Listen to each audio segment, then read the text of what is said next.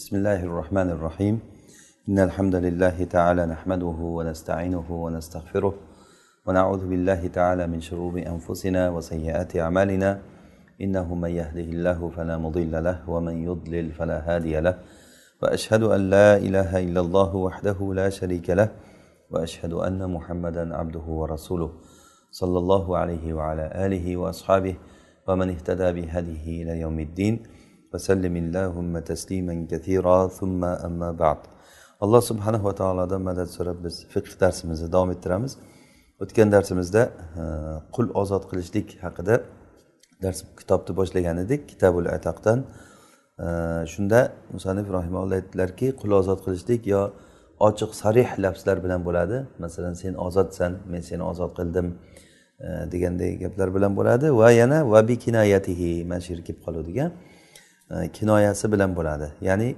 ochiqchasiga sen ozodsan demaydiyu lekin e, o'sha gapini kinoyasidan e, agarda ozod qilishlikni niyat qilsa ozod bo'lishi tushuniladi. Agar niyat qilsa. Masalan aytadiki la milkali alayka. Meni seni ustingda men uchun hech milk yo'q. Ya'ni men senga hech qanday bir xo'jayinchiligim bir joyim yo'q deganday mana bunda agar ozod qilishlikni niyat qilgan bo'lsa ozod bo'lib ketadi. Yoki aytsaki la sabila li alayka desa masalan men uchun seni ustingda hech yo'l yo'q desa yoki bo'lmasa qullik yo'q desa men uchun seni ustingda hech qanaqangi e, qullik yo'q desa ya'ni sen menga qulmassan degan ma'no chiqadida.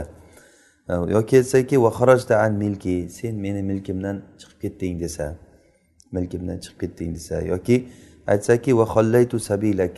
Sen yo'lingda qo'ydim holi qo'ydim desa ya'ni bu degani ozodsan degani hollaytu sabilak degani. Yo'lingda ozod qo'ydim degani mana bu gaplar hammasi kinoya bilan kinoya ya'ni kinoya degani ochiqdan ochiq aytmaydi. Xuddi taloqdagiga o'xshab masalan xotiniga sen taloqsan desa bu ochiq sarih taloq. Agar kinoyasi bo'ldi boshing ochiq yo'ling ochiq e, ko'zimga ko'rinma ket yo'qol yo'qol bu yerdan degan gaplar nima? Kinoya bo'ladi. Kinoya agar o'sha gaplarida taloqni niyat qilgan bo'lsa taloq tushadi. Bu ham xuddi shunday ozod qilishlik ham. Kinoya gaplarda agar ozod qilishlikni e, niyat qilgan bo'lsa e, ozod bo'lib ketadi. Va cho'risiga aytsaki qod atlaqtuki men seni e, qo'yib yubordim desa. Chunki bu yo'lingda bo'sh qo'ydim degan ma'noda bo'lyaptida. Mana shu gaplar bilan ya'ni bu gaplar hammasi kinoyani bir misollari. Shular bilan qul ozod bo'lib ketadi. Va aytsaki haza ibni degan gapi bilan ham ozod bo'ladi. Bu majoz bu ya'ni bu sarih va kinoyadan boshqa narsa. Ya'ni o'zi aslida tilda majoz va haqiqat bor. Haqiqati degani ochiqdan ochiq bir narsaga qo'yilgan narsaga ishlatiladi. Masalan mana bu kitob desam bu kitob bu haqiqat bo'ladi. Ya'ni bu kitob uchun qo'yilgan gapni joyiga ishlatyapman. Endi masalan masalan telefonda o'qib o'tirib kitob o'qib o'tiruvdim desam u kitob emas u. lekin o'sha kitob deb telefonni ichidagi kitob yozilgan narsani aytilingan bo'ladi. U kitob emasligi uchun o'sha o'sha mana bu majoz deyiladi. E, majoz hamma tilda bor hamma lug'atda o'ziga yarasha bir majoz ishlatishlik nimasi bor. Hozir bu yerda hada ibni degani bu meni o'g'lim desa bu majoz qilyaptiki bu ozod degan ma'nodan ishlatyapti uni o'rniga buni ishlatyapti. E, mana shu bilan ham ozod bo'ladi. Kimga aytsa buni? Lil asg'ori val akbar ya'ni uni o'zidan yoshi kichkinasiga aytsa ham yoki yoshidan katta odamga aytsa ham shunday. Bu abu hanifa rahimaullohda shunday. Ammo sohibaynda bo'lsa o'zidan yoshi katta odamga e, bu meni o'g'lim desa bu bo'lmaydi. Ya'ni bu abu hanifa rahimaullohda majoz haqiqatni o'rnini bosligi xalafiyatul majaz anil haqiqa. Bu yerda fi haqqi lafz faqatgina shu gapirishda to'g'ri bo'lsa bo'ldi lug'arabiya jihatdan deydi. Ammo sohibaynda bo'lsa fi haqqil hukm ya'ni hukmda to'g'ri bo'lishi kerak. O'zi haqiqatdan o'zida yoshi katta odamga kichkina bola bu meni o'g'lim desa qanday to'g'ri keladi? To'g'ri kelmaydiku desa abu hanifa rahimaulloh uni to'g'ri kelishi shart emas voqeda o'zi aslida hada ibni deyishlik to'g'rimi? O'sha bu gap to'g'ri. Agar o'sha yoshi kichkina bo'lganda to'g'ri kelarmidi? Ha to'g'ri keladi. Bo'ldi yoshi katta bo'lsa ham to'g'ri kelaveradi. Endi bu hada ibni degan gapi majoz bo'lyaptiki antahur degandan o'zi haqiqatda uni o'g'li bo'lishligi shart emas uni. E, bu meni o'g'lim degani ya'ni bu ozod degan ma'noda ishlatyapti. Shuning uchun ham mana shu gapni ishlatsa bo'ladi. Yoshi kichik bo'lgan quliga ham yoshi katta bo'lgan quliga ham ishlatsa bo'laveradi degan. Ya'ni sohibay bilan abu hanifa o'rtasidagi bu ixtilof bu. Abu hanifa rahimaulloh aytdilarki yoshi kichkina bo'lgan qulga ham bu meni o'g'lim desa ozod bo'ladi. Yoshi katta bo'lgan qulga ham bu meni qulim desa e, bu, bu meni o'g'lim desa u ozod bo'ladi. Sen ozodsan deganday e, gapni aytgan bo'ladi deganlar. Sohibayn aytganki yo'q bu yoshi katta kishiga bo'lmaydi bu. Chunki uni ma'rufun ya'ni uni e, o'g'lim deyishligi hech to'g'ri kelmaydi uni. Chunki yoshi katta odamga yoshi kichkina odam qanday bu gapi lag'u bo'ladi bekorchi gap bo'ladi deganlar. Allohu alam ya'ni shu ixtilofga ko'ra shunday tushunishgan. Endi qazo qazoxonalarda qozini mazhabi qaysi bo'lsa o'sha bilan fatvo beradi ya'ni abu hanifa rahimallohga ergashgan bo'lsa abu hanifani fatvosi bilan beradi sohibanga ergashgan bo'lsa sohibayni fatvosi bilan beradi. Ho'p aytyaptilarki musanif rahimaulloh la biya ibni va ya ahi ey o'g'lim ey akam deyishligi bilan ozod bo'lmaydi. Quliga qarab turib ey o'g'lim desa masalan e, quli yoshroq bo'lsa xo'jayin desa ey o'g'lim bor choy olib kelgin desa bolam choy olib kelgin desa masalan ana bolam dedimi? Bo'ldi endi ozod bo'lib ketadi bu deyilmaydi. Chunki hada ibni deganligi bu sen ozodsan deganidan e, majoz bo'ladi. Lekin ey o'g'lim desa bu faqatgina bir chaqirish ma'nosida ishlatilinganligi uchun. Bu yerda o'zi asli maqsad chaqirishdan maqsad nido qilishdan maqsad chaqirilayotgan odamni o'ziga qaratish. Ey o'g'lim deganda bu yoqqa qaragin degani bo'ladi. E, shuning uchun ham bu yerda hozir minodo e, tarafdan uni isboti E, mumkin bo'lmaydigan sifatlar bo'layotgan bo'lsa masalan e, ya ibni deganga o'xshagan hozirgiday bu faqatgina bu bildirib qo'yish bo'ladi. E, masalan odamlar ham chaqirgan paytda birovni o eshmat deb chaqiradiku o'zi oti eshmat bo'lmasa ham o toshmat deydi masalan. Men qaragin degan ma'nodada bu. O'zi asli sen eshmamatsan toshmamatsan degani emas bu. Ya'ni nima bo'lsa ham kim bo'lishidan qat'iy nazar menga bir qaragin degan ma'noda bo'ladi. O'sha uchun ham bu chaqirish ma'nosi quvvatli bir nimada bo'lganligi uchun bu majoz bo'lib turib haqiqatni o'rnini bosadigan majoz deyilmaydi. Yoki aytsaki vala sulton ali alayk. Aytsaki men uchun seni ustingda hech qanday sultonlik yo'q desa ham e, bu yerda ham ozod bo'lmaydi. Agar shu bilan e, ozod bo'lishlikni niyat qilsa ham ozod bo'lmaydi bu gapi bilan. Chunki sulton bu nima boshqaruv ma'noda bo'ladi. Milk ma'nosida emas. Milk o'zi qolaveradi boshqaruvsiz ham. Masalan sultonlik degani o'zi asli boshqaruv ma'noda. Sulton degani xalqni boshqaruvchi degani. Bu degani molik degani emas bu. Masalan xalqni sultoni bo'lsa u boshqaradi lekin u xalqni olib borib sotaverolmaydiku bir joyga. Hammalaringni sultonlaring bo'lganimdan keyin men e, sizlarni xohlagan joyimda ishlatib xohlaganimdek qilaman deb sotaman deb sotolmaydi masalan hur odamlarni. O'sha uchun meni senga sultonligim yo'q degani seni boshqaruv huquqim yo'q degan ma'noda bo'ladi. Masalan bu narsa milk bilan teskari kelmaydi. Ya'ni milk boshqa narsa sultonlik boshqa narsa. Alloh subhanava taoloni ism sifatlarida malik bor maliki bor. Hozir mavzudan chiqib ketsak ham ozroq bir foyda uchun aytib qo'yaman. Malik degani boshqaruvchi degani. Ya'ni alloh subhanava taolo butun koinotni maliki boshqaruvchi. Malik degani mulk egasi degani. Mulk egasi degani. Hozir o'zi asli qul ozod qilishlikda mulkni egasi ozod qiladida. Kim qul kimda bo'lsa o'sha ozod qila oladi. Begona odam kelib birovni quliga e, sen ozodsan bugundan boshlab deyolmaydi hech kim aytolmaydi uni. Kim ozod haligi molik bo'lsa o'sha molik bo'lgan odam aytadi. Demak alloh subhanava taolo malik va malik. Bu ikkovsini bir biridan ajratishlik mumkin masalan insonlarda. Chunki odamlardan ba'zilari malik lekin malik emas. Qanday masalan mulk egasi o'ziniki lekin o'zi bilgandek tasarruf qilolmaydi. Masalan yeri bor odam xohlagan narsasini qurolmaydi. Davlatdan ruxsat olish kerak. Hukumat unga ruxsat bersa sulton unga e, ruxsat bersa qila oladi. Malik lekin malik emas. Lekin aksi ham bo'lishi mumkin. Masalan malik bir narsaga e, xohlagandek tasarruf qila oladi lekin o'ziniki emas. Bu aynan podshohlar shunday bo'ladi. Podshohlar malik lekin malik emas. Ya'ni mulkni egasi emas u. Bu mulklar kimniki desa meniki deyolmaydi lekin u podsho o'zi bilganday xohlaganday tasarruf qiladi lekin meniki deyolmaydi. Chunki xalqniki u ya'ni butun musulmonlarni mulki bu hisoblanadi. Ya'ni sulton deganni tushuntirish uchun bu mavzudan chiqib ketib qoldik aslida. Shuning uchun ham meni seni uchun sultonligim yo'q desa bu boshqaruv ma'nosida bo'ladida bu ozodsan degani ma'nosini bermaydi. Va taloq lafzi ham bu bilan ham ozod bo'lmaydi. Masalan sen taloqsan desa quliga qarab yo cho'risiga qarab masalan. Kinoya taloqni kinoyalari bilan bo'lsa ham niyat qilsa ham bo'lmaydi. E, chunki sen taloqsan deganda bu taloq degan gap ozod uchun qo'yilmagan. Ammo uni aksi xotiniga qarab sen ozodsan desa taloqni niyat qilsa bo'luvdi. Lekin bunda bo'lmadi. Ya'ni sen ozodsan sen taloqsan desada agarda o'sha ozod bo'lishlik niyat qilsa taloqsan deb turib bu o'tmaydi bu. Chunki bu aslida o'zi ozod bo'lishlik bir katta narsa. Uni ichida e, taloq bo'lishlik degani uni farzini harom bo'lishi degani. Butun boshlik narsani aytib uni bir juzini iroda qilishlik boshqa bir juzini aytib uni butun boshli joyini iroda qilishlik boshqa narsa bo'ladi. E, mana shunday holatda agarda sen e, taloqsan desa yoki taloqni kinoyasini aytsa bugundan boshlab boshing ochiq desa masalan yoki bo'lmasa shunga o'xshagan taloqni kinoya gaplar bor o'shalardan birini aytsa niyati bo'lsa ham ozod bo'lmaydi deb aytishgan ekan. Bu bizni mazhabdagi fatvo shu. Ammo imom molikni qovllari ham shu. Shofiy rahimaulloh aytgan ekanlarki bu niyati bilan ozod bo'lib ketadi degan gaplari bor. Ya'ni imom ahmad bir rivoyatda shuni ham aytgan. Chunki amal bi niyat o'sha niyatlar bilan sen taloqsan deganda ozod qilishda niyat qilgan bo'lsa sen ozodsan degani bo'ladi. Degan bizni mazhabda unday emas. Bizda aytilinganki e, chunki buni lafzida muhtamali yo'q.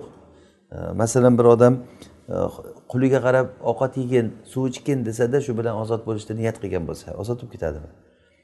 Ovqat ye suv ich o'rningdan tur desa o'rningdan tur degani ozodsan degani bo'lsa yo o'tir desa ozodsan degani bo'lsa bu niyati bilan o'sha ozod qilgan bo'ladimi desa yo'q unaqa bo'lmaydi. Ozod qilgan bo'lmaydi. Yoki bo'lmasa aytsaki ya'ni hozir gap tushunarlimi? Ya'ni gapini muhtamali bo'lishi kerakda gapida ehtimolidan chiqish kerak o'sha narsa. Agar gapi uni ko'tarmasa masalan gapiga hech aloqador joyi bo'lmasa e, man misol uchun men kitob desamda piyolani nazarda tutsam piyolani niyat qiluvdim desam kitob deganda piyolani niyat qiluvdim desam kim ishonadi gapimga? E, bu hech qanday bu kitob bilan piyolani orasida aloqa yo'q.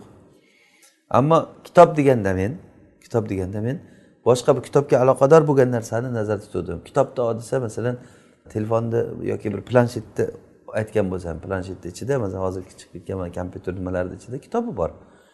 E, kitobni olib ber menga desam planshetda aytuvdim niyat qiluvdim desa to'g'ri chunki aloqasi bor chunki planshetni ichida kitob bor. E, endi kitobni ol deganda piyolani nazarda tutuvdim desa bo'lmaydi. Kitobni ol degani piyolani nazarda tutuvdim chunki o'rtada aloqa yo'q. Agar o'rtada aloqa bo'lsa bo'ladi. Masalan kitobni ol deganda men bir sumkani e, nazarda tutuvdim desam chunki sumkani ichida kitob bo'ladi. Bunda aloqa mahalliyat aloqasi bor degani joylik aloqasi bor. Kitob uni ichida turadi. O'shanda lafzi nimasi to'g'ri kelar ehtimoli bor. Bunaqangi majozlar bu buni majoz deyiladi ya'ni majoz mursal bo'lib turib bir narsani boshqa bir narsaga ishlatishlik deyiladi. Bu arab tilida balog'a ilmidan ma'lum o'zi o'qigan kishilarga. Demak gapni ehtimoli bo'lmayotgan bo'lsa u hech qanday e, e'tiborga olinmaydi. Ehtimoli degani hozir aytganimizdek kitob deganimizda piyolani hech ehtimoli yo'q bu yerda. Piyolani tushunmaydi odamlar umuman. Aloqasi yo'q o'rtada. Aloqador bo'lsa ekan o'sha gapga aloqador bo'lsa mayli. Masalan sen e, taloqsan degani ham xuddi shunday bo'ladi. Sen ozodsan deganiga aloqador joyi yo'q deb aytishgan. Allohu alam. Ho'p va yana aytsaki anta e, mislul hur sen hurga o'xshaysan desa ham ozodsan degani emas bu. Chunki bu hurga o'xshaysan degani masalan turishing hurga o'xshaydi shakling hurga o'xshaydi o'zing tutishing hurga o'xshaydi lekin o'zing hurmatsan degan bo'ladida bu. Hurga o'xshaysan desa bu bilan ham ozodsan degani emas bu. Ammo aytsaki ma anta illa hurrun. Sen hurdan boshqa narsa emassan desa u ochiqdan ochiq sarih ya'ni sen ozodsan degan gap bo'ladi bu. Xuddiki la ilaha illalloh deganda ulug'iyatda allohga isbot qilish bo'ldiku. Bu yerda ham ma anta illa hurrun desa e, sen hurdan boshqa narsa emassan deganda hozir bu yerda mana mavzufni bitta sifatga e, hasr qilib bog'lab qo'yish bo'lyapti. Mavzufni la ilaha illallohda sifatni mavsufga bog'lab qo'yish bo'lyapti bu yerda aksi. Ya'ni ma anta illa hurrun deganda shu e, sen hurdan boshqa narsa emassan. Ya'ni seni sifating faqat hurlik hurdan boshqa narsa emassan degani sen ozodsan degani. Hur degani ozod degani ya'ni. Hur degani arab tilida hur degani ozod ma'noda bo'ladi. Men hozir hur deb ishlatib ketyapman. O'zbek tilidagi hur hurinlar e, joriyalar tushuniladi. E, hur deganda sen ozodsan degan ma'noda. Vaman malaka za rohimin mahramin minhu. Endi kimda kim o'ziga mahram bo'lgan qarindoshiga agar molik bo'lsa e, u ozod bo'ladi. Ya'ni ozod bo'ladi degani u keyin keladi ko'p uzoqdan keyin keladi. Shuning uchun hozir aytib qo'yyapman men. Ma'no uzoqlashmasdan turib. Ya'ni aytyaptilarki man malaka min mahramin minhu ataq. E, ya'ni unga ozod bo'ladi. Bu nima degani? E, masalan bir odam o'zini mahramini sotib oldi. Mahramini sotib oldi. Masalan mahrami kim? Akasi masalan. Akasini sotib ol sotib olishligi bilan o'sha joyda ozod bo'lib ketadi akasi. Ozod bo'lsa keyin bu odam akasiga aka siz sababli men shuncha pulga tushib qoldim sizni men shuncha pulga oluvdim o'sha pulni nima qilamiz endi? deyolmaydi. Bu pulni odam yo'qotgandek bo'ladi. Tamom buni hisobidan ketib qoladi. Bu bilib sotib olgan bo'lsin bilmay sotib olgan bo'lsin buni farqi yo'q buni. Bu shariatni hukmi bu. Rasululloh sollallohu alayhi vasallam aytganlar xuddi ayni shu gapni kim agar o'ziga mahram bo'lgan qarindoshiga ega bo'lsa uni hisobidan ozod bo'lib ketadi. Man malaka rahimin mahramin minhu ataqa alayhi. Imom nasoiy e, domrat ibn robiy ar romliydan rivoyat qilgan sufyan savriydan u kishi u kishi abdulloh ibn dinordan u kishi umar roziyallohu anhudan marfuan shuni rivoyat qilishgan. Ya'ni hadis shuki man malaka rahimin muharramin minhu ataqa alayhi. Kim o'ziga harom bo'lgan qarindoshiga harom bo'lgan degani masalan bittasini erkak bittasini ayol deb tasavvur qilsangiz e, nikohi harom mahram degani shuni tushunamiz. Masalan aka uka bir biriga mahram deganda shuni tushunamiz. Agar bittasi qiz bola bo'lganda bunga nikohi buyurmasdi. Agar mana shunday darajada bo'lgan kishisini sotib olsa demak bunga kiradi masalan xolasi. Xola ham ham rahim qarindosh ham mahram. Agarda xolani qizini sotib olsa unga kirmaydi. Chunki xolani qizi mahram emas. Masalan bir odam xolasini qizini sotib olsa cho'ri qilib olsa o'ziga bu degani u ozod bo'lib ketdi degani emas bu. Chunki u mahram emas unga. Unga uylansa bo'ladi o'zi aslida mahram emasligi uchun. Xolasiga ammasiga uylanolmaydi yoki tog'asini masalan sotib olsa e, ozod bo'lib ketadi. Yoki amakisini sotib olsa ozod bo'lib ketadi. Akalari masalan otasi onasi endi aniq u. Mana shunday e, bu o'sha hadisdan ochiq aytilyaptiki kim agar o'ziga qarindosh bo'lgan mahraminiga molik bo'lsa qaysi yo'l bilan molik bo'lishidan qat'iy nazar. Sotib oladimi hadyaga oladimi merosga oladimi uni farqi yo'q. Sotib olish yoki e, merosga olish yoki hadyaga olish uni farqi yo'q. Molik bo'lsa bo'ldi. Molik bo'lib ega bo'ldimi o'shanga ega bo'lishligi bilan o'z uz o'zidan ozod bo'lib ketadi u. E, bu shariatni hukmi bu. Ho'p yoki bo'lmasa yana bitta masala au ataqo livajhillah qulini ozod qilsa ollohni vajhi uchun desa avli shaytoni avli sanam. Ya'ni musannif rahimaulloh juda misolda ham oxirgi nimasini keltirdilar. Shayton uchun ozodsan desa quliga yoki e, sanam uchun but uchun ozodsan desa o'zi kofir bo'ladi lekin quli ham ozod bo'ladi deganda bu. E, bu odamni o'zi kofir bo'ladi. Agar kimda kim shayton uchun ozodsan desa shayton uchun bir taqarrub qilgan bo'ladi. Bu ibodat bo'ladi bu. Shayton uchun sanam uchun desa sanam uchun taqarrub qilgan bo'ladi. Bu murtadlik hukmi beriladi bu odamga. Keyin uni masalalari hali keladi bizga ridda masalasi. Bir odam islomda turgan holatda kufr ishini qilsa nima bo'ladi? desa u murtadlik bo'ladi bu. Murtad odamga qanday muomala qilinadi nima qilinadi? Uni hukmlari bor. Alohida e, bizga hali keladi inshaalloh riddani e, masalalari. Inshaalloh. Demak e, agarda bir odam hozir muhimi olloh uchun deydimi shayton uchun deydimi but sanam uchun deydimi? Antahurrun degan gapi bilan ozod bo'lib ketadida. U olloh uchun u boshqa narsa uchun va ollohdan boshqa narsa uchun bo'lganliklari u e'tibori yo'q uni. U uni qalbi uchun ya'ni olloh uchun desa savob oladi shayton uchun desa murtad bo'ladi sanam uchun desa murtad bo'ladi kofir bo'ladi. U boshqa narsa lekin hozir bu yerdagi narsa boshqa narsa.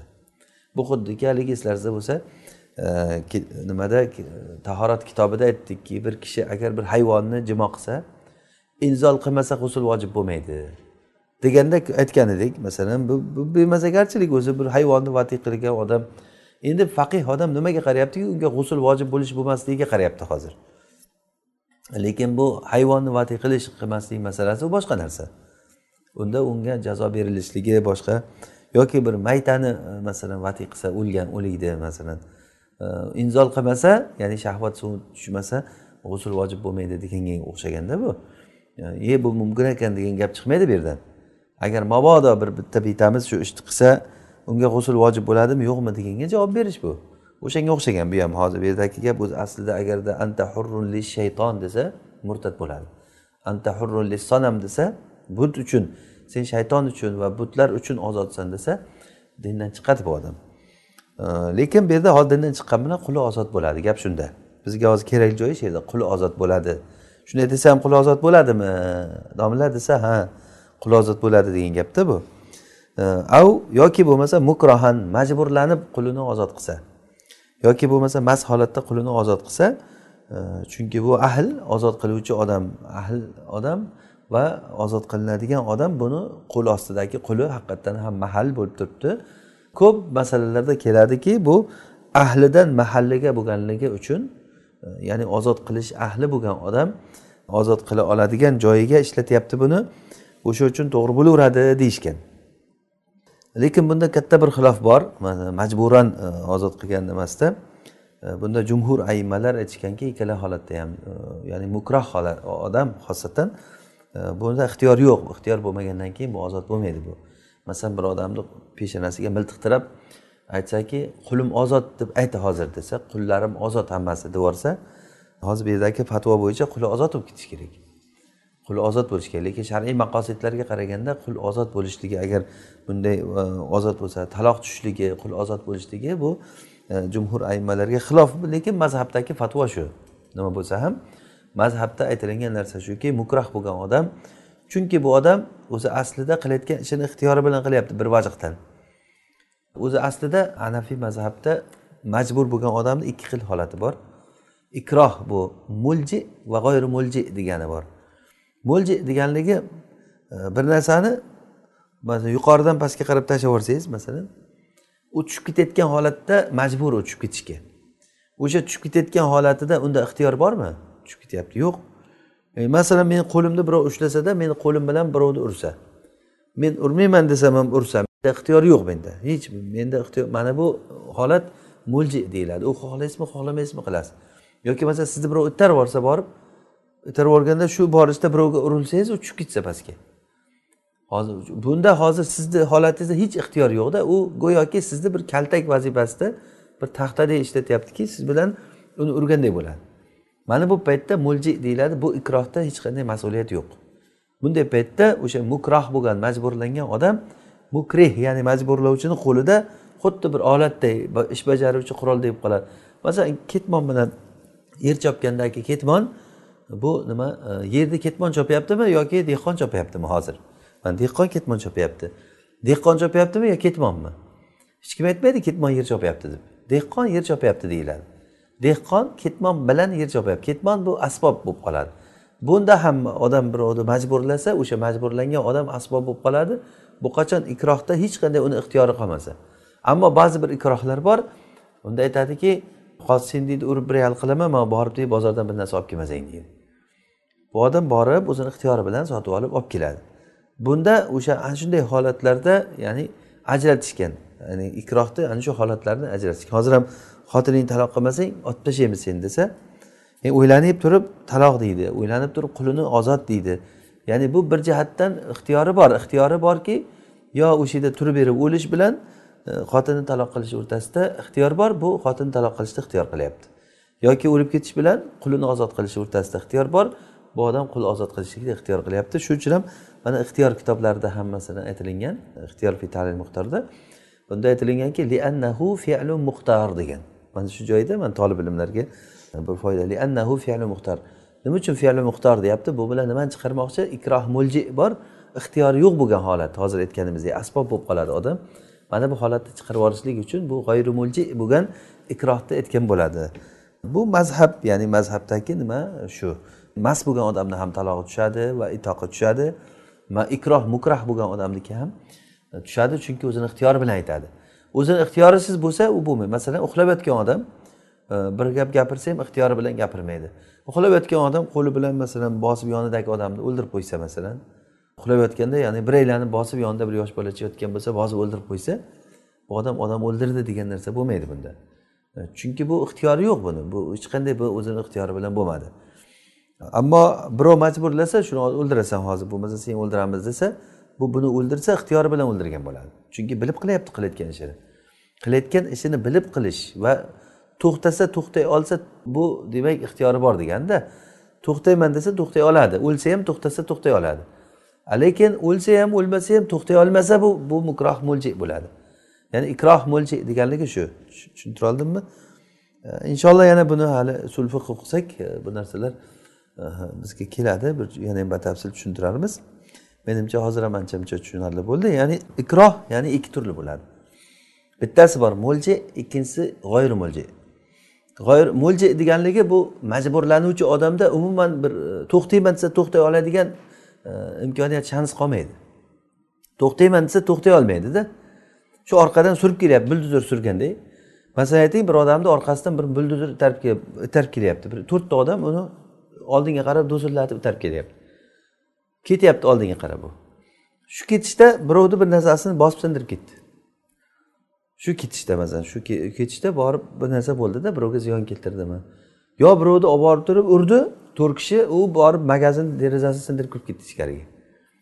Kim to'laydi uni? Haligi ichkariga sindirib uchib kirib kelgan odam to'laydimi yo mana to'rttasi to'laydimi? Demak bu odam haligi odam hech mukrah bo'lganligi uchun ixtiyori yo'q xuddi bir toshni vazifasi bo'lib qoldida hozir. Toshni men qo'limga olib otsam derazani sindirsa oynani e, tosh sindirdi deymizmi yo otuvchi sindirdi deymizmi?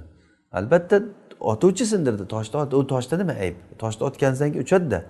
Xuddi o'shanday mukroh agar mukrihni majburlovchini qo'lida shunday holat bo'lib qolsaki unda hech ixtiyor yo'q to'xtay olmaydi.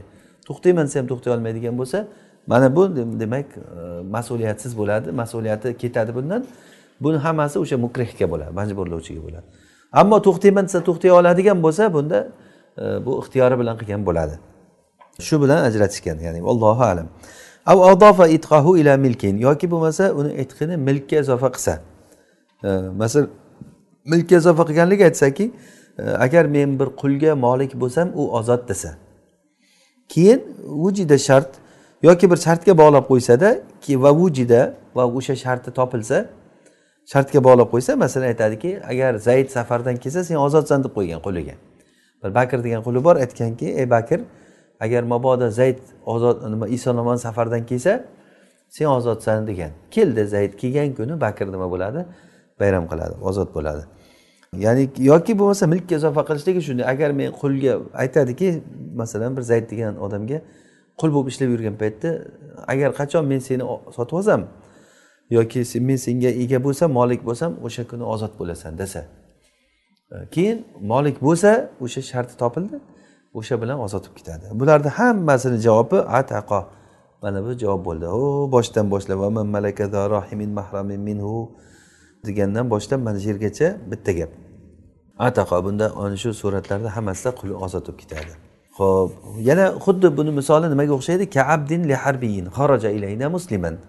Harbiy doril harbda yashaydigan qul masalan o'sha doril harbiy degani musulmonlarga qarshi urushib turgan bir davlat fuqarosi degani. Musulmonlarga qarshi urushib turgan musulmonlar bilan bir davlat o'rtasida urush bo'lib turgan bo'lsa masalan makka bilan madinada makka madinaga qarshi harb edi urush edi. Keyin silim bo'ldi keyin o'rtada sulh tuzildi hudaybiyadan keyin. Ungacha harb bo'lgan. O'sha harbiyni quli musulmonlarga hijrat qilib chiqib kelsa. Musulmon bo'lib kelsa u o'sha kelishligini o'zi bilan ozod bo'lib ketadi. Kelishligini o'zi u nima doril harbdagi e, kofirga uni xo'jayinisiga e, sen shuni mana quling mabiyga musulmon bo'lib keldi shuni ozod qilib yuborgin endi deyilmaydi. Tamom u musulmon bo'lib musulmonlar diyoriga keldimi? Doril harbdan va harbiyni nimasi bu? E, ya'ni harbiy deganda tushundik a musulmonlarga qarshi urushib turgan davlatni fuqarosi harbiy deyiladi. O'zbekchadagi harbiy degani bu e, nima nimadagi askariy bir odamni tushunamizda harbiy desak u emas. Ya'ni bu yerdagi harbiydan maqsad shu. Musulmonlarga qarshi urushib turgan davlat fuqarosi harbiy deyiladi. O'shani quli agar musulmonlarga musulmon bo'lib hijrat qilib kelsa o'sha kelishligini o'zi bilan haq ozod bo'lib ketadi u valhamlu yattabiu ummahu. Bu boshqa masala endi. Va homila onasiga ergashadi. Fil milk milkda. Ya'ni qullik va hurlikda bola onaga tobe. E, va firriqi va qullikda ham milkda ham riqda ham.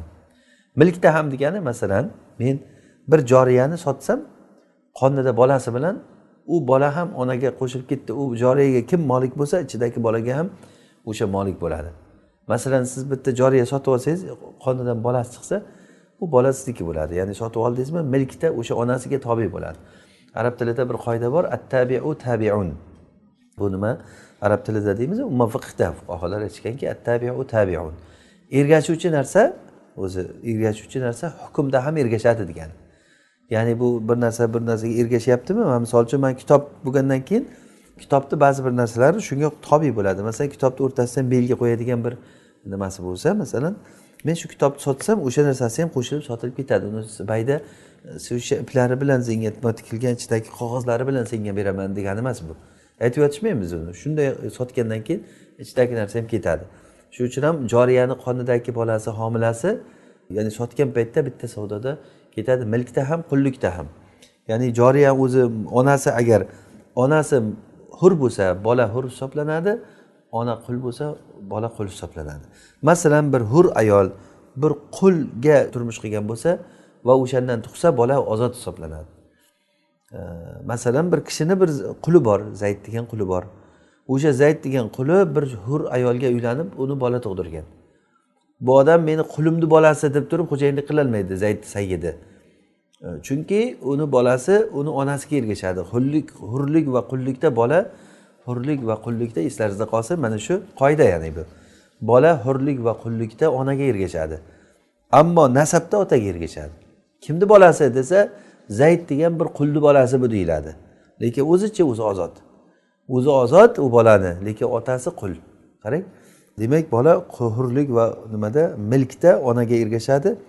Va fil itqi va furuihi va yana onasiga ergashadi. Ozod bo'lishda ham ozod bo'lishlikni furularida ham. Furulari masalan kitobat mudabbar umuvalat qilganda ham onasiga ergashadi. Ya'ni bu nima degani? Masalan ozodlikda masalan bir odam joriyasiga qarab anti hur dedi. Bo'ldi sen ozodsan dedi. Qonida bolasi bor edi. U bola bilan birga ozod bo'lib ketadi. Ya'ni ozod bo'lishlikda onaga ergashdi. Yoki bo'lmasa etiqni furulari. Masalan aytsakki joriyasiga sen bugundan boshlab mudabbarsan. Mudabbar deganligi qulga aytilinadiki anta hurrun dubura hayati degani. Men o'lishligim bilan sen ozodsan degani. Men o'lganimdan keyin sen ozod bo'lasan degani. Mana shu bilan o'lgandan keyin ozod bo'lasan degan bilan ozod bu mudabbarga aylanadi. Qonidagi bolasi ham mudabbar bo'lib qoladi o'z o'zidan. Ya'ni boyagi qoida bilan attabiu tabiun ergashuvchi narsa hukmda ham ergashadi. U homila onaga ergashadiku ona qayerga borsa hojatxonaga borsa homila ham hojatxonaga boradi. Ona uyga kirsa uyga kiradi chiqsa chiqadi ko'chaga chiqsa chiqadi hech ajralib qolmaydi bola qonidada chunki. Demak o'shanday bo'lgandan keyin bu xuddiki odamni a'zolaridek masalan insonni qo'liga o'xshaydi. Insonni qo'li o'ziga ergashib yuradiku. Uni ajratib bo'lmaydi yoki qoshi ko'zi qulog'i masalan a'zolari ajratib bo'lmaydi. O'shanda homila ham xuddi shunday bo'ladi. Shuning uchun onasi nima bo'lsa shu ozodsan desa bola ham ozod bo'lib ketadi. Sen mukotabsan bugundan boshlab deb aqd yozsa u mukotab bo'lib qoladi. Agar umuvaladsan umuvalad bo'lgandan keyin umuvalad endi to'g'ri o'zi tushunarli shundoq ham.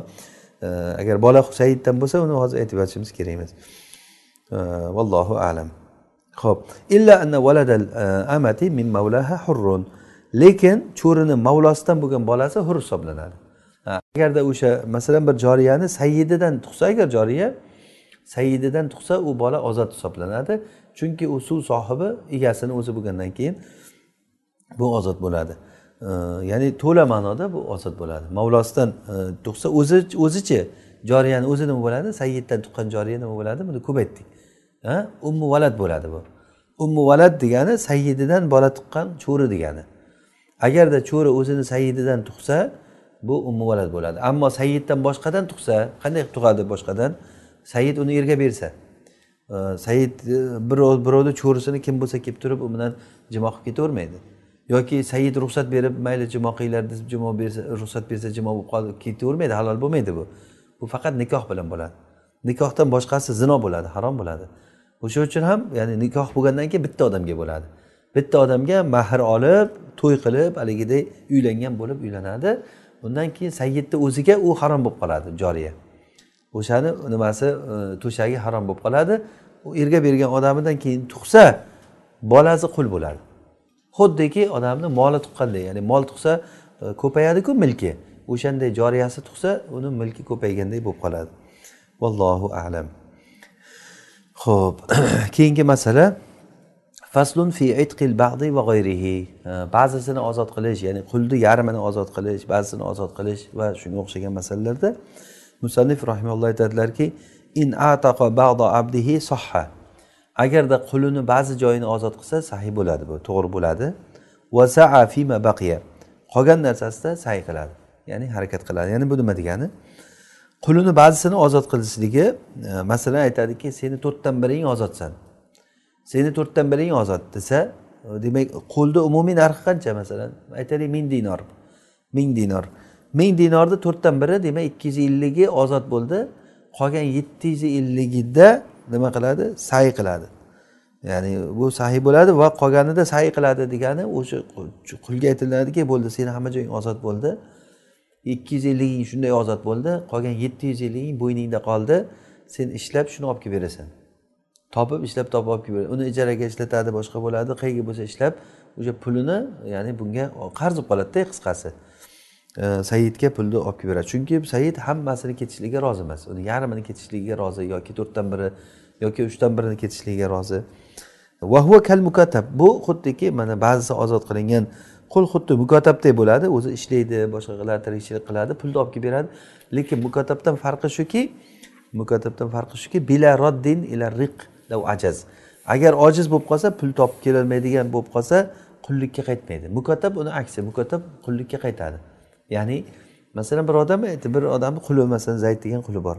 Aytyaptiki xo'jayin men sizga masalan ikki ming dirham olib kelib bersam meni ozod qilasizmi shu bir ikkovimiz kelishsak deydi. Bo'pti mayli necha yilda olib kelib berasan? Ikki yil ichida ikki ming dirham beraman. Yoz deydi yozadi. Ikki yil ichida zayd menga ikki ming dirham olib kelib beradi o'shandan keyin bu ozod bo'ladi deb. Yo mana bu o'sha qul mukotab deyiladi. Endi ikki yil o'tdi puldan darak yo'q. Zayd qani pul? A pul bo'lmayapti hozir hech iloji bo'lmayapti. Qilib berasanmi yo shartnomani buzamizmi deyiladi. E, qilib beraman desa ikki yil bo'lgandan keyin sayyid agar qaraydi bunga muhlat berish kerakmi yo buzishga haqqi bormi? Chunki pul yo'q. O'shanda qozi aytadiki zaydni chaqirib nima qilyapsan desa u o'zini planini ko'rsatadi. Man unday qilganman bunday qilganman pulim kelmay turibdi. O'shanda agarda uni pulni olib kelishlikka ko'zi yetsa unga muhlat beradi. Hali bizga inshaalloh bundan keyingi kitob kitabul mukatabunda to'liq aytamiz. Agarda u olib kelishlikka iloji bo'lsa olib ketdi bo'lmasa ojiz deb hukm chiqariladi qozi aytadi bo'ldi ojiz tajiz. Yana mukotaba buzilib yana qullikka qaytadi. Mukotab bo'lib ikki yildan keyin ozod bo'laman deb yurgan zayd yana nima qildi? Ojiz bo'lganligi uchun qullikka qaytarildi deyiladi. Ammo ba'zisi ozod bo'lgan kishi ham xuddi mukotabdek bo'ladi. U ishlaydi ishlaydi ishlaydi pul olib kelib beradi saidga. Bu jihatdan mukotabga o'xshaydi lekin ojiz bo'lib qolsa aytaylik ishga qodir bo'lmay qoldi. Bo'ldi bundan keyin pul yo'q endi ishlanmaydigan bo'lib qolsa unda ham mukotablikka qaytadi demaydi unda ozod bo'lib ketadi baribir ham. Baribir ham ozod bo'ladi uni bo'ynida qoladi yoki baytil moldan unga bir e, xo'jayinisiga bir narsalar berilmasa ya'ni muhimi mukotabga o'xshamaydi bu bu jihatdan orqaga qaytmaydi bu. Vaqola sohibayn aytganki uni hamma joyi ozod bo'lib ketadi. Ya'ni ba'zi joyi ozod bo'ladi hozir abu hanifa rahimalloh nima dedilar? Ba'zi joyi ozod bo'ladi dedilarku. Sohibayn aytyaptiku yo'q hamma joy ozod bo'lib ketadi va u sahiy ham qildirilmaydi. Bu xuddiki masalan xotiniga qarab e, bugundan boshlab seni mening yuzing harom desa taloq bo'ladiku. Ya'ni ba'zi joyini ketkizsa hamma joyi ketib qoladi. O'shanday bu nimaga qurilgan? Qullik juzlanmaydi. Xuddiki taloqga o'xshagan e, bir narsa bu ham. Bu juzlanmaydi desa abu hanifa rahimaulloh yo'q juzlanadi deganlarda ya'ni bu o'sha mana shu ixtirobdan ko'p kelaveradi bizga bu ixtirob. Sababi nima? Nima o'zi asli? Abu hanifa rohimaullohda qullik juzlanadi. Qullik juzlanadi. Ularda bo'lsa qullik juzlanmaydi. Chunki ularda qullik ozod qilishni o'zi nima desa izalatu riq deydida ular. Abu hanifada bo'lsa isqot deydi. Isqotul milk. Isqotil milk bilan izalatul riqni farqi bor. Chunki isqotil milkda milk juzlanadi. Masalan men molik bo'lgan narsamni ba'zisini ajratib berishligi mumkin. Isqotil milk. Milk bo'lib turgan joyimda qanchasidir tashladim bu juzlanadi. Ammo izalatul riq bo'lsa riqni ketkazish degani bu juzlanmagani xuddiki bir masalan sharga o'xshagan narsada sharni bir joyini bir o'yib oling nima bo'ladi? Paq deb yorilib hamma joyga ketadimi? O'shanday bo'ladi deydida ular. Ya'ni izalatu riq deganligi riqni ketkazsa bitta joyini ketkazsa hamma joyga ketib qoladi deydi. Xuddi xotiniga qarab turib sen yuzdan bir foiz taloqsan desa nima bo'ladi? Kichkinagina taloqcha tushadimi yoki bitta taloq tushadimi bu juzlanadigan narsa emas bu bitta taloq tushadi o'shanda ham. Xuddi shunday seni to'rtdan biring ozodsan uchdan biring ozod e, o'ndan biring ozod yuzdan bir foizing ozod desa ham ozod bo'lib ketadi deydi. Xuddi taloqsan deganday sohibayn shunday degan. Chunki bu izalatul riq deydi ular. E, Abu hanifa rahimulloh aytadilarki yo'q bu isqatul milk degan. Isqotul milk bu juzlanadi. Ammo taloqqa o'xshamaydi bu. Deb aytganlar. Ya'ni bu tushunchadagi farqlar. Ikkala e, uchala aymani o'rtasida ham tushunchadagi farqlar. Ya'ni muhimi abu hanifa rahimaullohda qullik juzlanadida ya'ni ozodsan desa yarmi ozod bitta qolganiga harakat qildirib pul olib kelib ber deydi. Sohibaynda bo'lsachi seni to'rtdan biring ozodsan desa ketadi hamma joy ozod bo'lib ketadi harakat ham qildirmaydi. Xuddi xotiniga seni bir foiz taloqsan desa taloq bo'lib ketdiku. Ana shunday seni to'rtdan biring ozodsan desa hamma joy ozod bo'lib ketib qoladi. Buni sohibayn aytgan. Bu boshqa masala endi. Bu ikkita odam bitta qul bo'lib turib qul deb o'rtaliqqa olsa masalan ikki kishi sherik bo'ldikda bitta qul sotib oldik ishlatishga. Keyin men o'zimni nasibamni ozod qilsam men nasib menga tegishli joyi ozod desam mana shu masala nima bo'ladi? Ikkinchi sherigi ham qolganini xohlasa ozod qiladi. Agar xohlasa ya'ni o'zini nasibasini bo'ldi men ham ozod qildim deydi yoki ozod qilishlikka unamasa av istasahu uni say qildiradi menga pulni topib kelib ber deydi. Masalan ikki kishi sherikchilikka ming dirhamga bitta qulot oldik. Men o'zimni nasibamni ozod qilsam besh yuzi ketdi. U besh yuz narigi sherigimnikiku. O'sha sherigim aytadiki yo'q men seni ozod qilishlikka rozi emasman. Bo'lmasa sen deydi pul ishlab kelib berasan menga deydi. Haligi besh yuziga uchun uni ishlatadi uni. Besh yuzga loyiq ishni qildirgandan keyin keyin javob bo'ladi unga. E, ya'ni bu o'sha istasahu degani shu say qildiradi degani bizda ko'p joylarda kelaveradi. Ya'ni mana shu bilan tushunib olishimiz kerakki say qildirish degani nima degani? Say qildirishlik degani mana shu uni ishchilik kuchidan foydalanadi mehnatidan foydalanadida o'sha puli chiqquncha yoki uni ijaraga beradi masalan. Buni ijaralarga berib ishlatib ishlatib pulini sayid oladi. Foydalanib foydalanib o'sha puli chiqquncha foydalanadida undan. Puli chiqib bo'lgandan keyin bo'ldi keyin e, ora ochiq.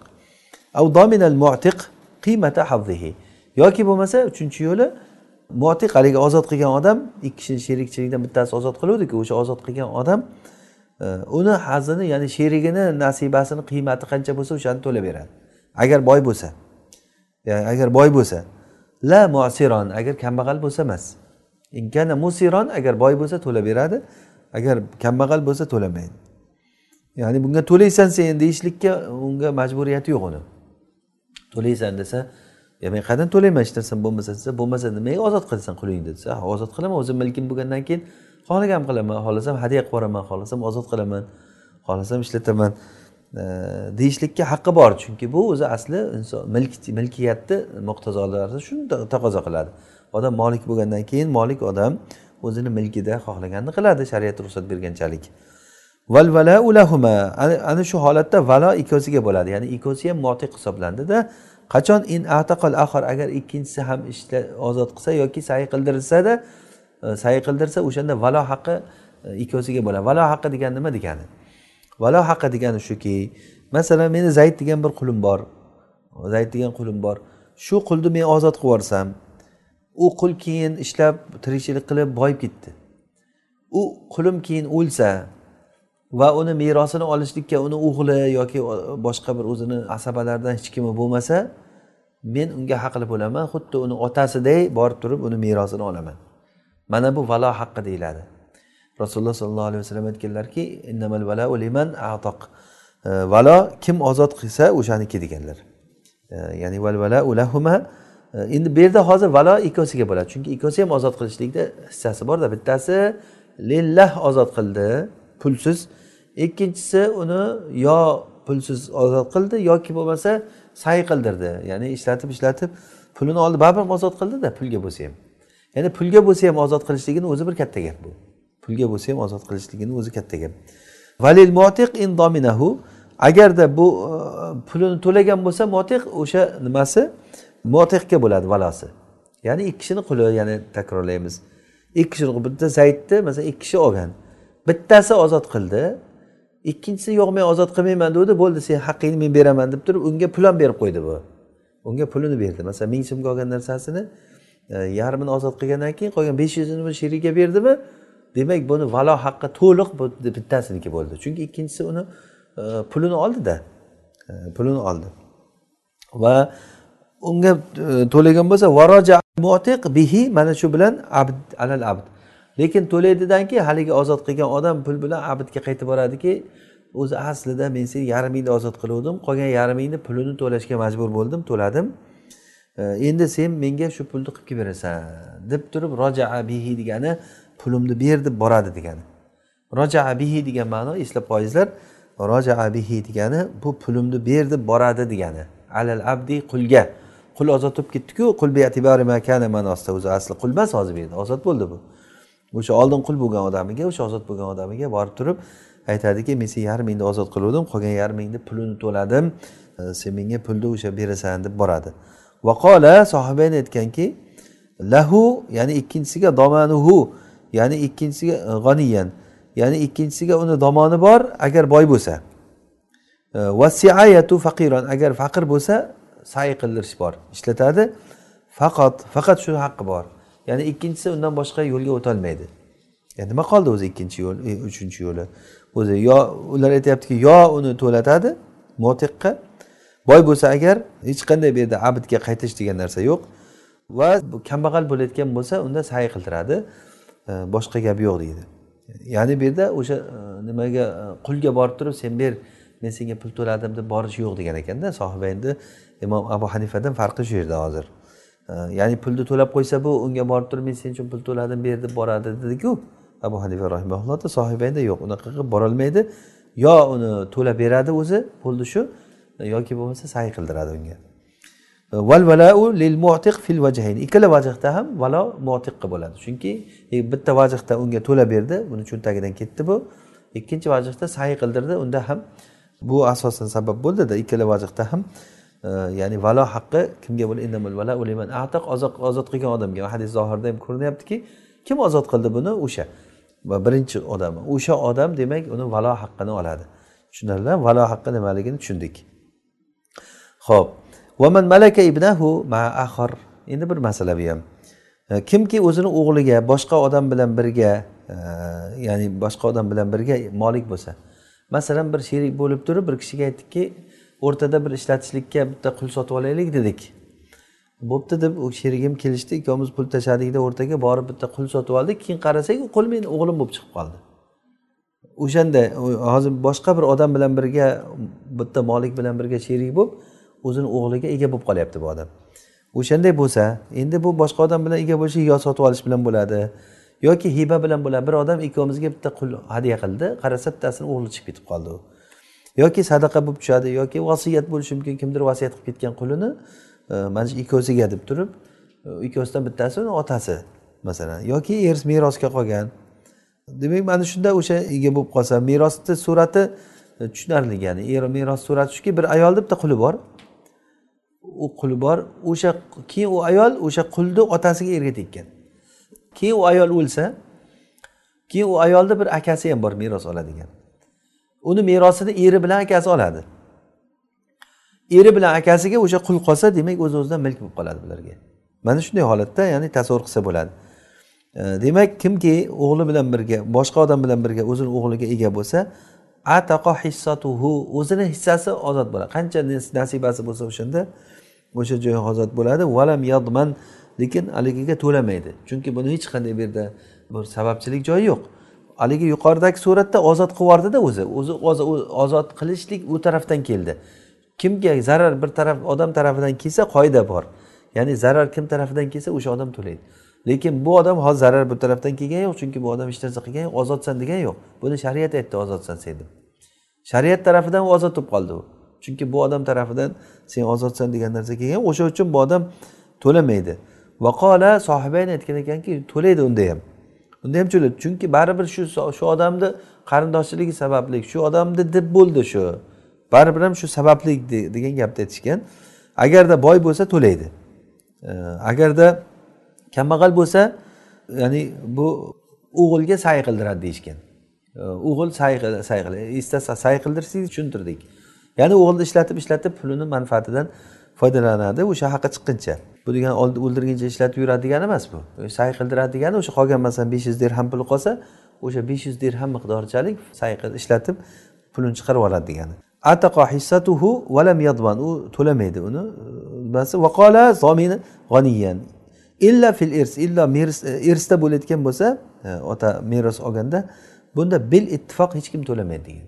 Ya'ni hech kim aytganki hammalari aytishganki bil ittifoq degani abu hanifa va sohibayni o'rtasida ittifoq bu yerda e, imomlar. Aytishganki meros holatida to'lamaydi. Meros holatini hozir tushuntirdikku. Bir ayol bir e, quli bor va o'sha qulni otasiga erga tekkan keyin. Keyin u ayol o'ldi. Ayol o'lgandan keyin uni merosi o'sha qul merosga qoldi. Kimga? Ayolni eri bilan akasiga. Eri vaholanki mana qulni otasi bo'ladi. Mana shu holatda bu ota hech narsa to'lamaydi. Meros holati bo'lgandan keyin. Qul ozod bo'lib ketadi. Qul ozod bo'ladi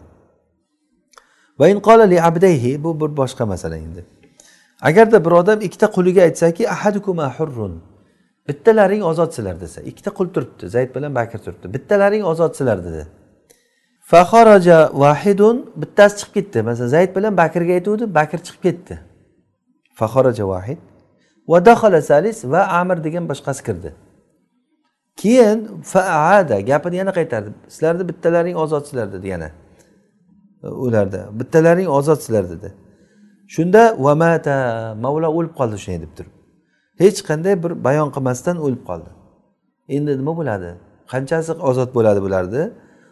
Bu yerda hozir zayd degani hech tur ikki marta eshitdida bu gapni. Bittalaring ozodsizlar degan gap zaydga ikki marta aytilindi. Shunda aytyaptilarki ataqa min sabata salasatu arbaihi. Haligi chiqmay turgan zaydni to'rtta qismidan uch joyi ozod bo'lib ketadi. Salasatu arba degani masalan zaydni to'rt minglik qul deb hisoblang masalan to'rt ming hozir bozorga olib chiqsak to'rt mingga oladi shuni. Demak o'sha to'rt mingdan uchta qismi ozod bo'lib ketadi. Salasatu arba degani to'rtdan uch qismi ozod bo'lib ketadi. Ho'p va min kulli min g'oyrihi undan boshqa haligi bakr chiqib ketdi o'rniga amir keldi. Mana shularni har biridan nisfuhu yarim yarim ozod bo'ladi.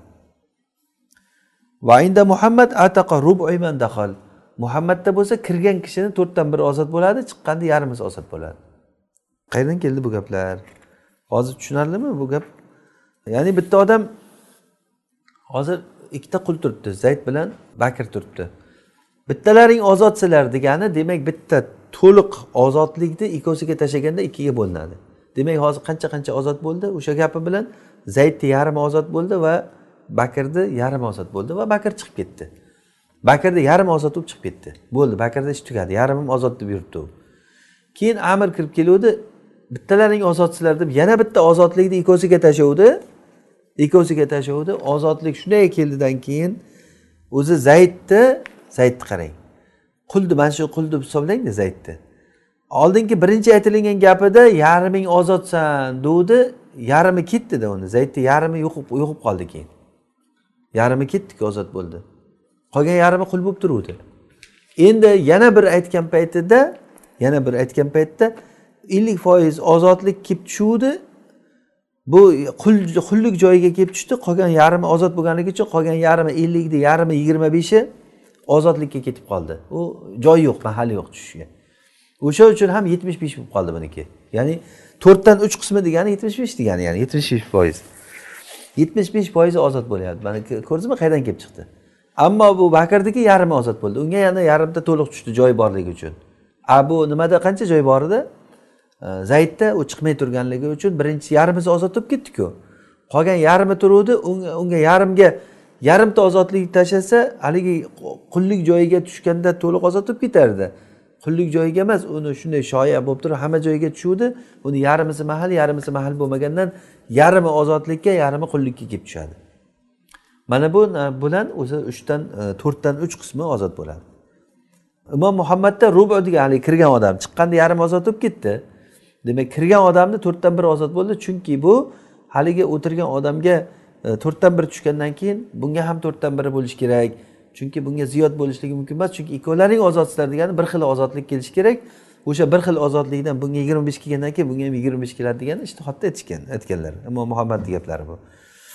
Endi buni bu suratni boshqachasi va in qol agar mana shu gapni kasalligida aytsadan keyin keyin bayon qilmay o'lib qolsa qaysiligini aytmay o'lib ketsa valam yujiz varisun va merosxo'rlari yo'q buni ijozat bermaymiz buni gapiga. Hammasi ozod bo'lib ketishlik bunaqangi haligi to'rtdan uch ketadi zaydni. Bunisini bakrni yarmi ketadi amirni ham yarmi ketadi. Bunga ozod bo'lmaymiz desa keyin bu janjalni qanday qilib yechamiz? Bunda keyin bu vasiyat bo'lib qoladida bu. Vasiyat uchdan biriga o'tadi. Vasiyat uchdan biriga o'tadi. Endi bu faraz qilingki bu aytgan odamni shu qullardan shu uchta qulidan boshqa quli yo'q o'zi boshqa milki yo'q. Boshqa milki bo'lmagandan keyin uchdan biriga o'tadi. Endi buni umumiy narxi uchta qulni umumiy narxini uchdan biriga o'tadi bu gap. Qanday qilib chiqaramiz endi? Masalan uchta qo'lda umumiy narxi uch ming deng masalan. Uch ming deydigan bo'lsak shu mingiga o'tadi. Bu mingni uchovsiga sotishimiz kerak. Bu uchovsini ming endi o'sha mingni e, mingni to'rtdan uchi qismi deb bunga berish kerak nisbi nisbi bunga berish kerak. O'sha uchun osonlashtirishlik uchun har bitta qulni yetti hissadan deb hisoblab olamiz. Yetti hissadan. Chunki yettita hissani nima uchun oldik? Chunki bu uchdan birini chiqarishligimiz uchun. Yigirma bir bo'ladimi uchovsini qo'shsak? Yigirma bitta hissada bu bular. Yigirma bitta hissadan demak o'n to'rtta hissasi merosxo'rlarniki qolgan yettita hissa vasiyat qiluvchini haqqi borligi uchun ozod qilingan joyi bu. Endi yetti hissani zayd bakr amirga boyagi tartibda bo'lib berishimiz kerak.